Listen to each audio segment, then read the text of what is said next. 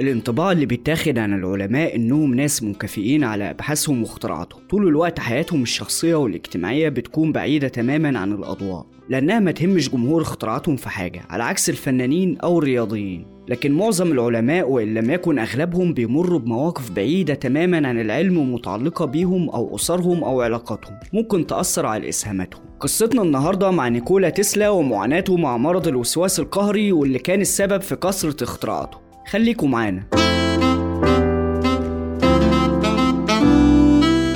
تسلا كان واحد من أكتر المهندسين إنتاجا وابتكارا في القرنين التسعة عشر والعشرين.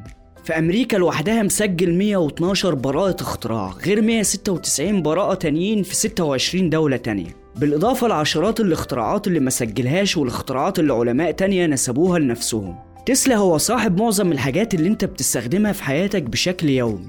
بداية من أجهزة التحكم عن بعد وأجهزة الإرسال والأشعة السينية وحتى المصباح النيوني وهو برضه اللي اخترع محولات الكهرباء والمضخات والتوربينات وغيره وغيره وغيره.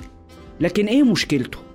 نيكولا تسلا كان شخص غريب جدا. من وهو صغير بيجيله أوهام وخيالات. الباحثين بيرجحوا إنه كان عنده ذهان لكن رغم كده بقائه منعزل كان سبب في إنه بيمتلك خيال خصب وسري. كان عنده ذاكرة ثلاثية بتقدر تستعيد الحاجات بصورة أدق من الصور الفوتوغرافية.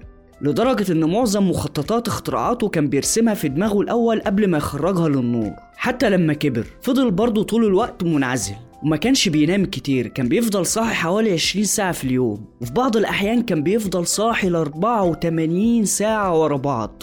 وعلى فكرة ده السبب اللي خلى جامعته تفصله لأنهم كانوا خايفين يتحملوا مسؤولية اللي بيعمله في نفسه. لما مسكوه في مرة قاعد بيحاول يقرأ كل الكتب اللي في مكتبة الجامعة.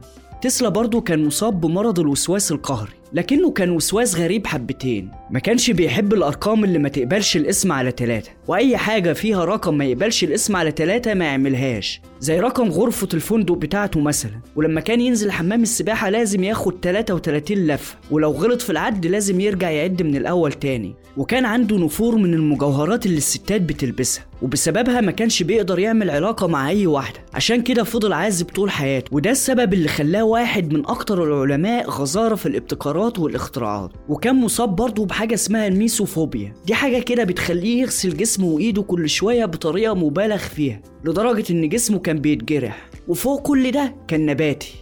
بداية من سنة 1930 تسلا بدأت تظهر عليه أعراض التدهور العقلي والجسماني لكن برضه ما كانش راحم نفسه. بعدها بسنتين قرر ينعزل تماما عن الناس والمجتمع. وآخر غرفة في فندق اسمه نيويوركر واعتبرها منزله الخاص واعتكف على ابتكار اختراعات إضافية. وفي 7 يناير 1943 لما فضل فترة كبيرة ما يخرجش من أوضته دخلوا عليه لقوه ميت.